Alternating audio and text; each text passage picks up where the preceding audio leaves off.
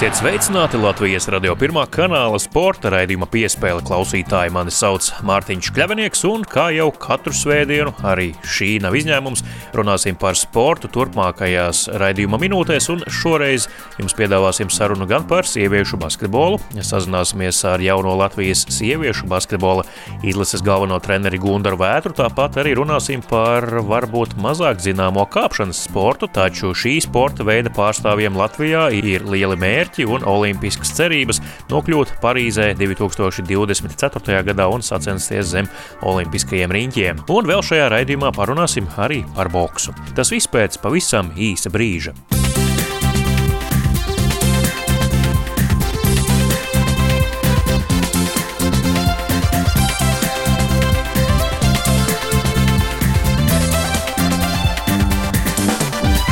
Jūs klausāties Latvijas radio pirmā kanāla sporta raidījuma piespēle studijā Mārtiņš Kļavinieks. Par Latvijas sieviešu basketbola izlases jauno galveno treneri šajā nedēļā apstiprināja Gundaru Vētru. Līgums ar treneri ir parakstīts līdz 2023. gada Eiropas čempionāta cikla beigām. Pirmais oficiālais pārbaudījums izlasē jaunā galvenā trenera vadībā būs Eiropas meistarsacīkšu kvalifikācijas turnīrs, kas sāksies jau šī gada novembrī. Interesanti, ka Gundara Vētras vadītajā treneru korpusā korpusā strādās Ainars Zvirgzdiņš, Mārtiņš Zībarts un Matīs Rožlapa. Divi no trim nosauktajiem jau iepriekšējos gadus bijuši galvenā trenera amatā, tā kā zina, ar ko saskarsies Gunārs Vētra.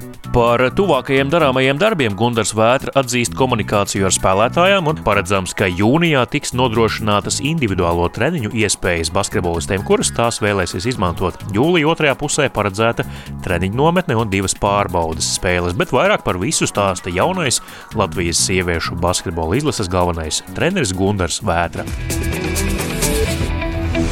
Prieks ir prieks mums to darīt, un sarunas jau notika kādu laiku iepriekš, un mēs apsvērām, vai es gribētu un vai basketbola savienība to gribētu, un, un, un mēs jau sākām iepriekš runāt, ka būtu labi pēc iespējas arī profesionālāk un augstāk līmeņa asistents piesaistīt, tagad tas viss ir izdevies, un divos vārdos sakot, man ir prieks, un es domāju, tas ir arī zināms gods, nu, būt pa Latvijas valsts savienības treneru un tagad centīšos darīt labāko, ko varu. Vairākas reizes man bija šāda iespēja veikt šo darbu arī iepriekš, bet kaut kā svaigi, nu, tā teikt, nesakrīt, un es to tā kā nedarīju. Izlēmu diezgan ātri, kad varbūt šis ir tas īstais brīdis pieņemt šo izaicinājumu, un kas paralēli arī būs, un, un, tāda arī bija tie noteikumi, ka turpināšu strādāt klubā, un, un, un ar izlasu apvienošanas kārtībā, tā ka ne nekādas lielas šaukas šeit nebija. Treneris, sakiet, vai sagatavošanās plāns eh, gaidāmajiem mačiem jau ir skaidrs? Nu, aptuveni mums skaidrība ir, bet nu pat cik nebija, kamēr nebija vēl oficiāli, tas līdz galam viss nebija nokārtots un pabeigts.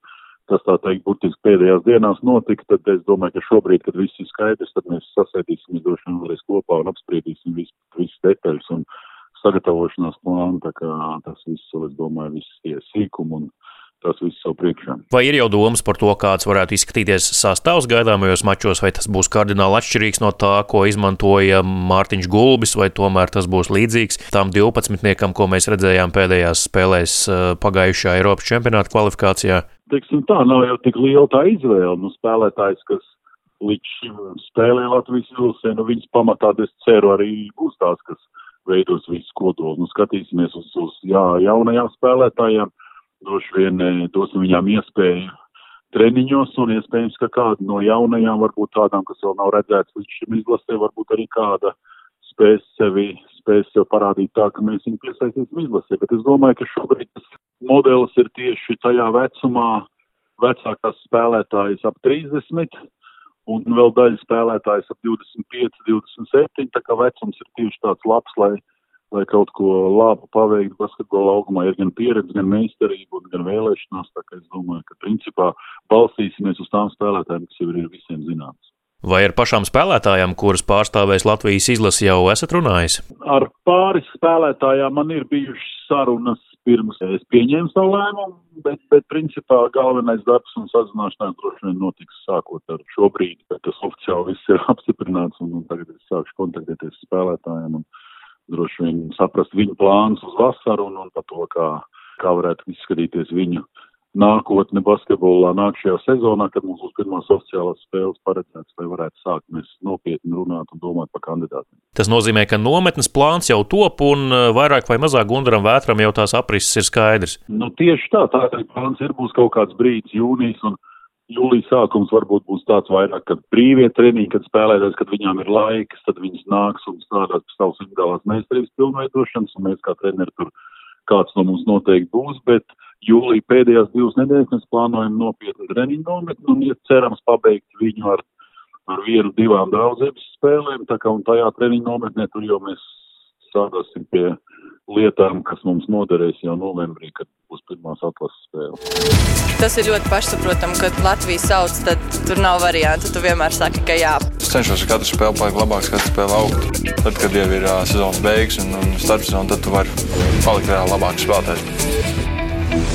Turpina skanēt Latvijas radio pirmā kanāla sporta raidījums piespēle studijā Mārtiņš Kļavinieks. Vai esat ko dzirdējuši par kāpšanas sportu? Iespējams, ka daudzi no klausītājiem šobrīd atceras 90. gadu otro pusi, kad Latvijas televīzijā tika demonstrētas skolu sacensības lielā balva. Tur skolēniem bija jāpārvar dažādas piepūšamās atrakcijas, jālien cauri dažādiem izveidotiem šķēršļiem, bet viena no disciplīnām bija kāpšana pa mākslīgi izveidotu klīņšu sienu. Tiesa, šī siena eh, vismaz tajā raidījumā bija taisni augšupējoša, bez kaut kādiem papildus šķēršļiem vai izvirzījumiem taču kāpšanas sportā izmanto līdzīgas sienas, protams, daudz sarežģītākas. Pavisam patīkama vēsts šonadēļ pienāca no Krievijas, kur Latvijas pārstāvis Edvards Grūzītis Eiropas čempionātā jauniešiem kāpšanas sportā izcīnīja sudraba medaļu bolderingā. Finālā Grūzītis četrās zonās ar septiņiem mēģinājumiem trīsreiz sasniedza augšējo aizķeri un izcīnīja sudraba medaļu viņam zonā kopumā 16 mēģinājumu. Iespējams, ka daudziem no jums, kas šobrīd klausās raidījumu piespēli, šie termini topi, aizķere, mēģinājumi, zonas daudz ko neizteiks saistībā ar kāpšanas sportu, tāpēc uzrunājām speciālistu, proti Latvijas Alpīnistu savienības vadītāju Normundu Reinbergu, lai viņš pastāsta vairāk, cik nozīmīgs ir šis Edvarda Gruzīša sudrabs Eiropas čempionātā jauniešiem kāpšanas sportā, un arī vairāk par to, kā Latvijas jaunieši gatavojas 2024. gadam, kad cer izcīnīt ceļa zīmes uz Parīzes Olimpiskajām spēlēm. Nē, no Eiropas čempionāta ir Eiropas čempionāts, kā jebkurā sporta veidā. Foganiņš notika pirmā, Edvards viņā ieguva uh, otro vietu vienā no disciplīnām. Kāpšanā ir trīs disciplīnas - ātruma kāpšana, grūtā kāpšana un bouldrings.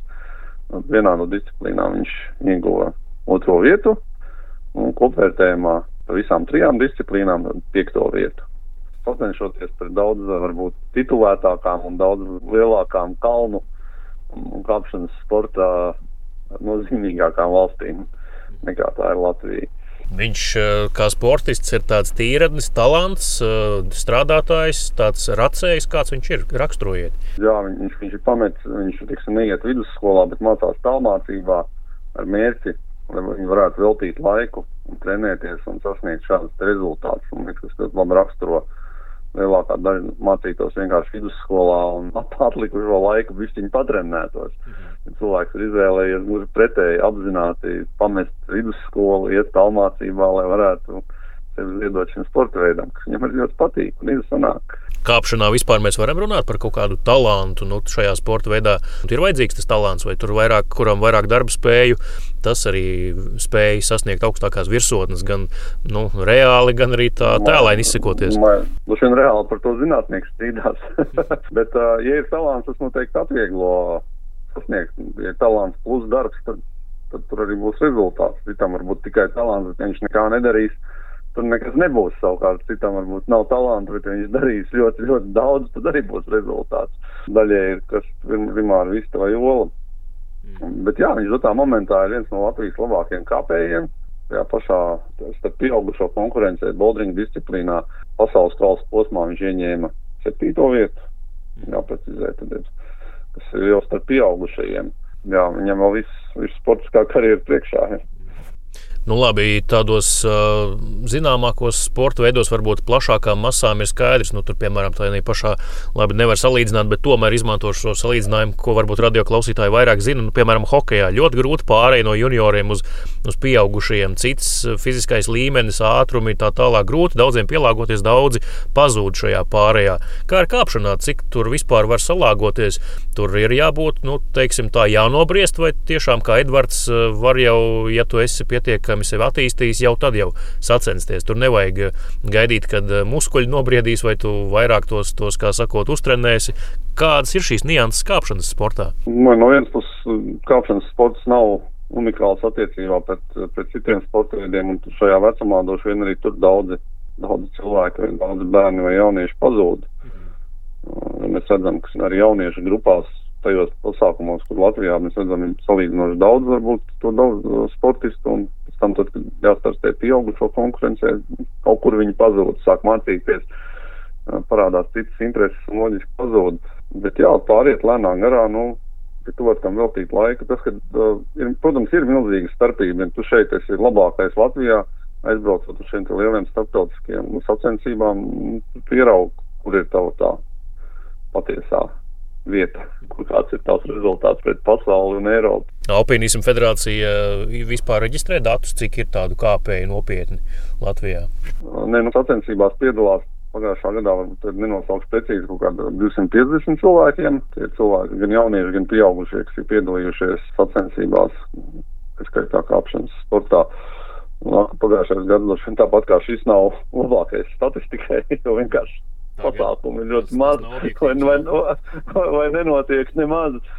Bet jā, kopā skatās, kāpšanā ir ap 20 sacensībām gadā, pārsvarā lielākā daļa ir jauniešiem, bet ir arī pieaugušiem. Vai tas ir daudz vai maz, noteikti pēc citiem par futbolu noteikti maz, bet varbūt pēc citiem sporta veidiem nav nemaz tik maz. Tādām ma mazpazīstamām sporta veidām. Mēs redzam, ka tā, iz, tā izaugsme no katru gadu ir. Viņi, protams, ir lēna un gribētos, lai tas viss notiek vienā gadā, bet, nu, ņemot vērā, ka valsts ir maza un resursi ir mazi, lēnām. Pakāpeniski. Nu, pats es uh, nevaru lepoties ar kaut kādu milzīgu kāpšanas pieredzi. Pāris reizes esmu pakāpis ķīpselā, pamēģinājis to darīt. Kā ir ar infrastruktūru Latvijā? Cik vispār tā ir piemērota, tā, nu, lai trenētu, lai audzētu līmeni, piemēram, tāds Edvards, vai tas vispār ir atbilstoši Latvijā, tas, kas ir pieejams, vai, vai tas būtu krietni jāuzlabo, kā jūs vērtētu? Protams, ka būtu krietni jāuzlabo. Sāksim ar to, ka vienā no disciplīnām, kas ir ātruma kāpšana, nedz Latvijā, nedz arī Baltijā, pat tā Lietuvā, Igaunijā nav šīs etalonu sienas, uz kuras var uzstādīt pasaules rekordi. Jā, tad viena disciplīna faktiski nevar tā normāli trenēties. Tāpēc, teiksim, šī, šajā vienā disciplīnā tas rezultāts nu, ir, ir kāds ir. Viņi vienkārši tuvākā vieta ir kaut kur Polija, vai arī tu vari aizbraukt nedēļu pirms sacensībām un tad patrenēt to ātrumu, bet tas jau ir nepietiekami attiecībā par citu valstu sportistiem, kas to dara ikdienā. Arī grūtāk kāpšana faktiski tādas analogas sienas uz parametriem, uz kā viņiem jāstartē ir šajos Eiropas vai, vai pasaules čempionātos. Protams, ka ir pa īsu bišķi Latvijā. Savukārt ir globāli ņemt tās kāpšanas sienas tādam tautas sportam, skolām, viņas ar katru gadu paliek aizvien vairākas, un tā tendence tur tā izaugsme ir, bet attiecībā pret augstu sasniegumu sportu, protams, ka tas uh, ar to nepietiek. Bet tas jau laikam kā ar visu Latvijā, ka nu, par spīti apstākļiem tomēr no Latvijas tās nu, arī varbūt skaitliski mazā sportistu sastāvā izaug tādi, vai nu tādi, ar kuriem lepoties, vai tādi, kur izcīna medaļas, un pēc tam par viņiem var stāstīt, runāt un lepoties. Es domāju, ka tas ir. Jā, ņemot vērā, ka Lat tas ir mans personīgais, ņemot vērā, ka Latvija ir maza valsts, domāju, ka gan ne tikai krāpšanā, bet jebkurā sporta veidā var būt šāds, te, sauksim vienredzi. Mm. Viņš var parādīties jebkurā brīdī. Un jā, un tad, kad būs tas rezultāts, mēs visi leposimies, bet tāpēc ir svarīgi, lai katram, lai visiem sporta veidiem būtu vienādas iespējas uh, pastāvēt un augt. Tajā brīdī mēs tagad valsts, ja mēs pārējām bišķi no, no kāpšanas sporta uz valstisko līmeni, mēs tagad gribam prioritēt uh, desmit sporta veidus, uh, vai, vai, vai 15, jā, tad iespējams, ka šādi vienreģi vienkārši nevarēs izaugt šajos sporta veidos, lai, lai, lai tā būtu kāpšana, vai tas būtu, nezinu, skiorings, uh, skrituļu slidošana vai kas cits. Mm. Šis atbalsts, kas kaut arī viņš ir nepietiekams, bet viņš ir bijis svarīgs arī tā skaitā Edvardam. palīdzot piedalīties sacensībās gadā, līdzfinansēt federācijai šos viņu startus. Savukārt, ja mēs gribēsim atbalstīt tikai augstu sasniegumu sportu, jā, tikai tad, kad sportists jau ir sasniedzis rezultātus, tad iespējams liela daļa sportistu jau nemaz uh, nenonāks līdz tam brīdim, kad viņš varēs šo atbalstu saņemt. Nevaram nos, nosmelt krējumu tikai un atbalstīt tikai tos, kas jau kaut ko ir sasnieguši. Nu, tā tas arī nestrādā. Kāda vispār ir tā finanšu plūsma, kāda ir Edvarda gadījumā vai, vai pārējo arī to, kuri bija Eiropas čempionātā gadījumā? Federācija atbalsta, viņi paši droši vien kaut ko meklē, vecāki palīdz palīdz droši vien tāda tā kombinācija. Da, da, jā, daļa atbalsta federācija, bet droši vien, ka mazāko daļu, mm. lielākā daļa tomēr nāk gan no pašiem, jā, no vecākiem vai, vai, vai citiem avotiem. Ja tas sacensības ir daudz ceļošana, maksā kā jebkurā citā sporta veidā. Ceļošana ir vēl pēc tam apgrūtināta, un tas atkal nāk ar kaut kādām papildus izmaksām. Kā, jā, diemžēl visās sacensībās, kurās varbūt vajadzētu piedalīties, uh, droši vien, kad nesanāk ir iedot piedalīties. Jāizvērtē, kuras ir sezonās svarīgākās, kuras ir, ir kaut kāda Eiropas čempionāta, pasaules kausa posma, pasaules čempionāts. Jā. Un eh, sarunas noslēgumā vaicāšu par mērķiem. Eh, kāds ir tad jūsu tās tā kāpēju saimnes, tas lielais nākamais mērķis? Es eh, minēšu un ceru, ka nebūšu absolūti greizs, bet trāpījuši mērķī, ka tā ir Parīze. Jā, es domāju, Edvardam tas vēl daudz jāstrādā un daudz jākāpj, bet es domāju, ka jā, viņš varētu pretendēt. Mēs arī mēģinājām startēt Olimpiskajā draftā.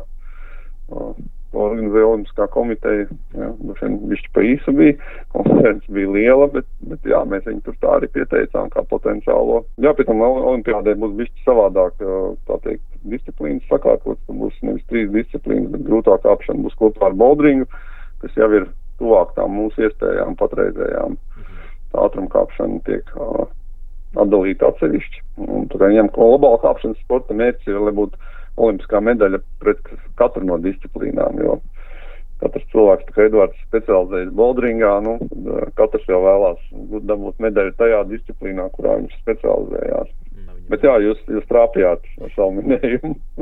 Tad jāvēl veiksmi Edvardam un eh, visiem pārējiem censoņiem, jā. lai parādās vēl kāds tāda paša līmeņa, kurš, kurš var ar viņu konkurēt. Un skaidrs, ka tādā līdzvērtīgā konkurencē jau tikai eh, visi kļūs labāki.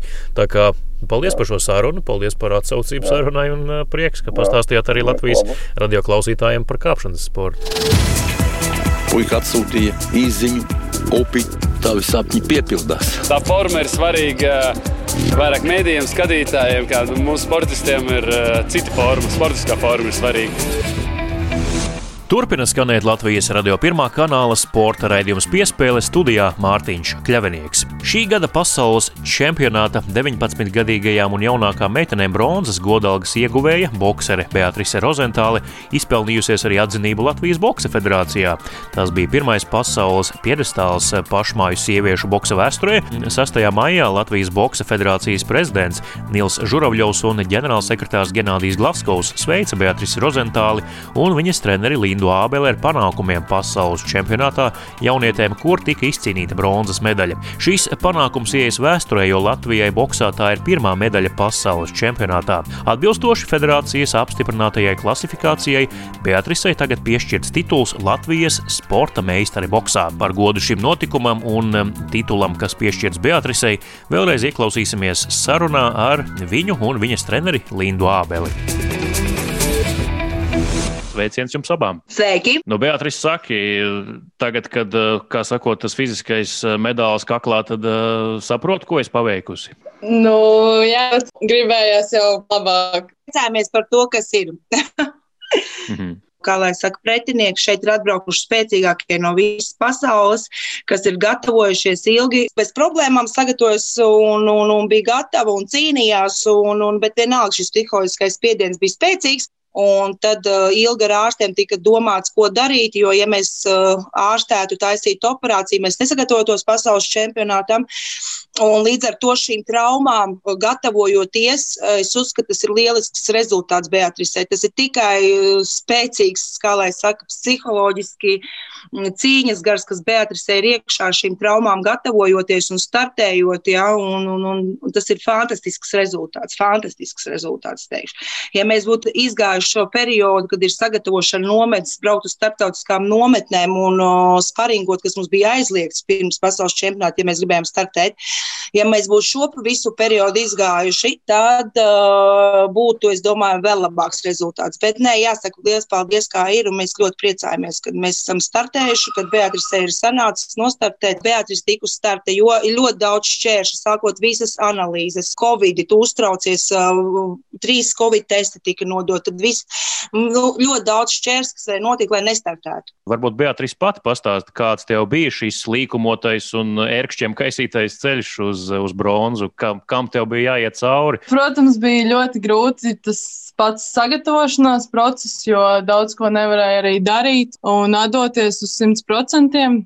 Treniņu procesā tieši pēdējā cīņā jau traumas vairāk uh, liku par sevi manīt. Kāds tev tagad ir ceļš priekšā? Tagad ir tas, tas laiks uh, savest kārtībā visu, veikt operācijas un sakomplektēt visu atkal darba kārtībā ķermenī. Jā, protams, primārais tagad viss savest kārtībā ar veselību un tad jau ar uh, treneru domājam nākošās lielās sacensības. Kā sākās tavs stāsts ar boksu un uh, kāpēc tieši boks tavā dzīvē ir tas, ar ko tu aizraujies? Nu, es pirms tam spēlēju basketbolu septiņus gadus, un brālis iepazīstināja ar boksu. Un, uh, mans onkls atrada kickboks un boks skolu Rīgā. Aizgāju uz pirmo treniņu un sapratu, ka palikšu šajā klubā. Šajā sportā. Jā, šajā sportā arī.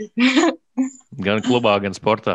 Ar ko boks piesaista meitenes uzmanību? Kas tur tāds valdzinošs ir boxā? Jā, individuāls sports veids. Apspēlēt pretinieku. Viņa vēl guļ nedaudz. Viņa nevar attiekt no cīņas.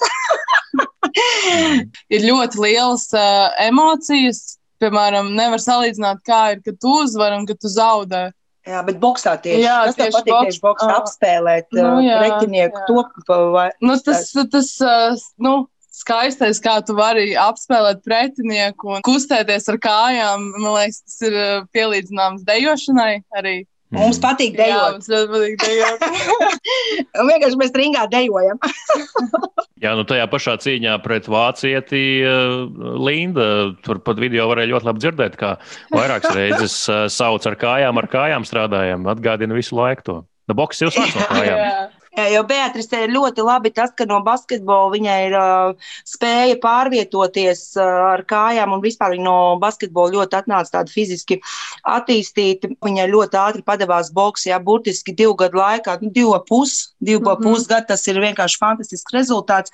Un uh, līdz ar to, ka viņa bija fiziski jau spēcīga, varēja vairāk tehniku, šo speciālo sagatavotību un līdz ar to viņa jau ir pasaules līmeņa. Tāpēc arī jāsaka paldies basketbolam, ir, jā, ir arī devis savējo, kā lai saka, un šī pārvietošanās ar kājām ir ļoti, ļoti nozīmīga tieši amatieru boxā.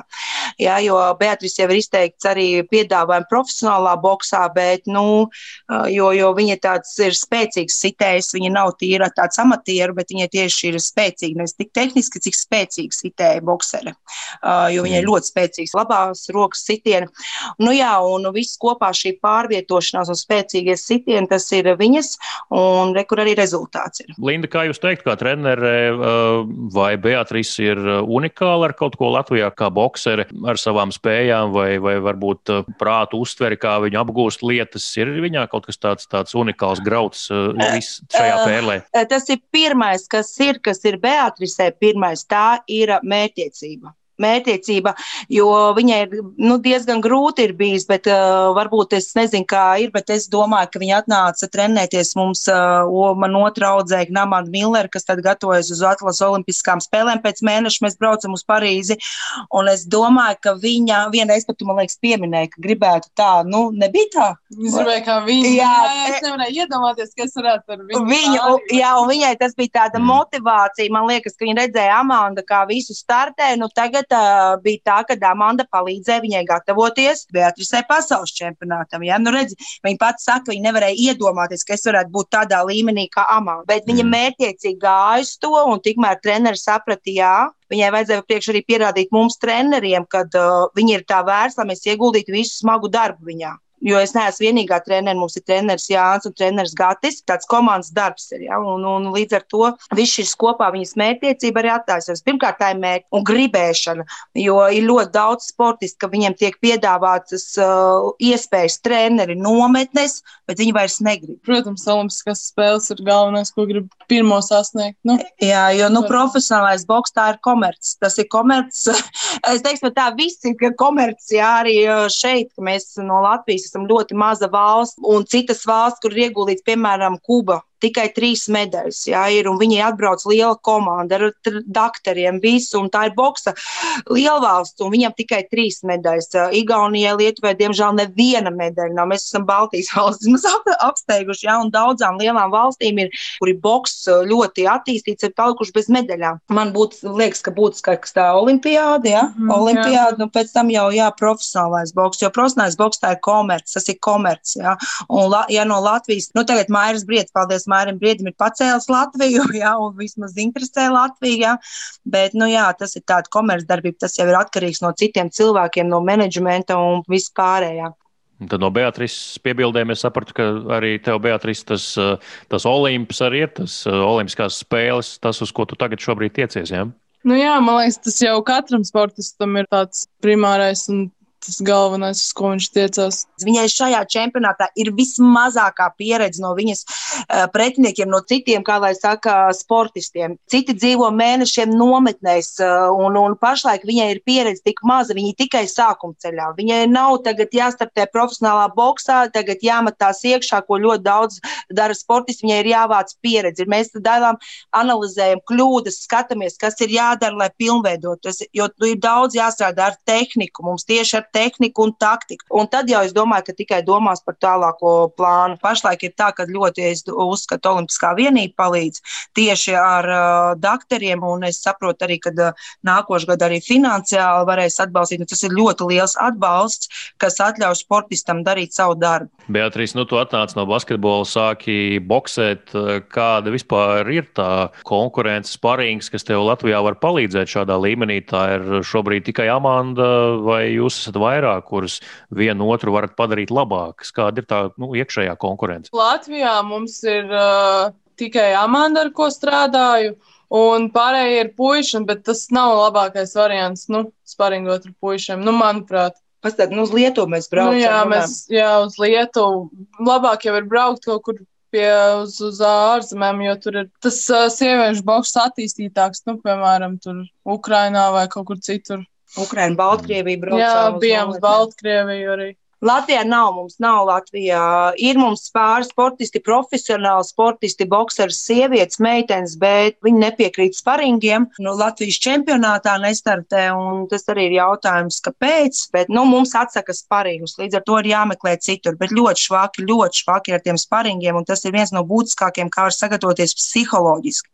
Un, ja nav šī psiholoģiskā sagatavotība, mēs varam trenēties uz ķēpām, pie maisas, skriet mežā, mēs varam darīt visu bet mm. nav tie sparingi, nav šis psiholoģiskās sagatavošanas, nu tad pilnīgi nav. Un tad es visādi mēģinam ar treneriem domāt, kā mēs varam šo psiholoģisko sagatavotību mm, nostiprināt, lai būtu, bet, nu, švaki, švaki. Es tāpēc sāku pietrūkt šīs nometnes, pietrūkt šī pieredze. Tad Beatrice uzreiz ar doktoriem vien, uh, sazvanās jau tagad, uh, un uh, mikroķirurgu orto klīnikā viņai tiks veikta operācija, jo ātrāk, jo labāk. Tas ir viņas arī saistīts ar labās, spēcīgo labo roku. ja? Un vēl mums ir kāja problēma, ir bijusi pārslodze, nepareizs slodze, vai arī šis sagatavošanās periods arī mums ļoti daudz pagāja tieši treniņu dominām, varbūt domājam tā virsma vai skrējienu pa sniegu, nu kaut kas nav bijis pareizi. Un arī mums ir kāja, un līdz ar to uzreiz, kā atbrauc, un pēc pašizolācijas testu uztais uzreiz sākās uh, ārstēšanas process Beatrisē, jo mm. uh, mums ir oktobrī vai novembrī bija. Oktobrī, oktobrī ir uh, pasaules čempionāts čempionāts, jā, sievietēm, elites sievietēm, un līdz ar to domāju, ka tam viņa gatavosies kopā ar Amandu. Jūnijā U22 Beatrice izpaliek, Eiropas čempionāts U22 līdz ar to o, divus mēnešus, pusotru mēnesi Beatrice veseļojās, un tad skatāmies, kā ir ar roku un kāju, un tad jau gatavosimies pasaules čempionātam. Paldies! Jā. Tā bija Beatrice Rozentāle, pasaules U19 čempionāta boxā dāmām bronzas medaļas ieguvēja un viņas treneri Linda Abele šeit sarunā jaunā Latvijas radio sporta raidījumā piespēle. Paldies jums abām par eh, sagādātajām pozitīvajām emocijām Latvijas sporta līdzutējiem un ka atgādināt arī par boksu vēl arī citādā veidā, ne tikai tā, ka līdzutējiem jāsako, ko tad mājas briedis dara. Nav vairs mājas briedis vienīgais, ir arī Ričards Bolotņiks, vēl citi censoņi vīru konkurencē. Nu, tagad arī, mm, protams, eh, bez Amandas, Amandai blakus nostājusies tātad arī Beatrice. Tā kā prieks par to. Jā, paldies. Paldies jums, liels paldies jums. Jā, visu labu! Līdz ar to arī izskan Latvijas radio pirmā kanāla sporta raidījums piespēle. To veidoju un vadīju es, Mārtiņš Kļavinieks, par labskaņu, kā Alēž parūpējās Nora Mītspapa. Un vēl tikai raidījuma izskaņā piebildīšu, ka piespēli varat meklēt arī jebkurā sev ērtā raidierakstu jeb podkāstu klausīšanās lietotnē uz sadzirdēšanos jau nākamnedēļ.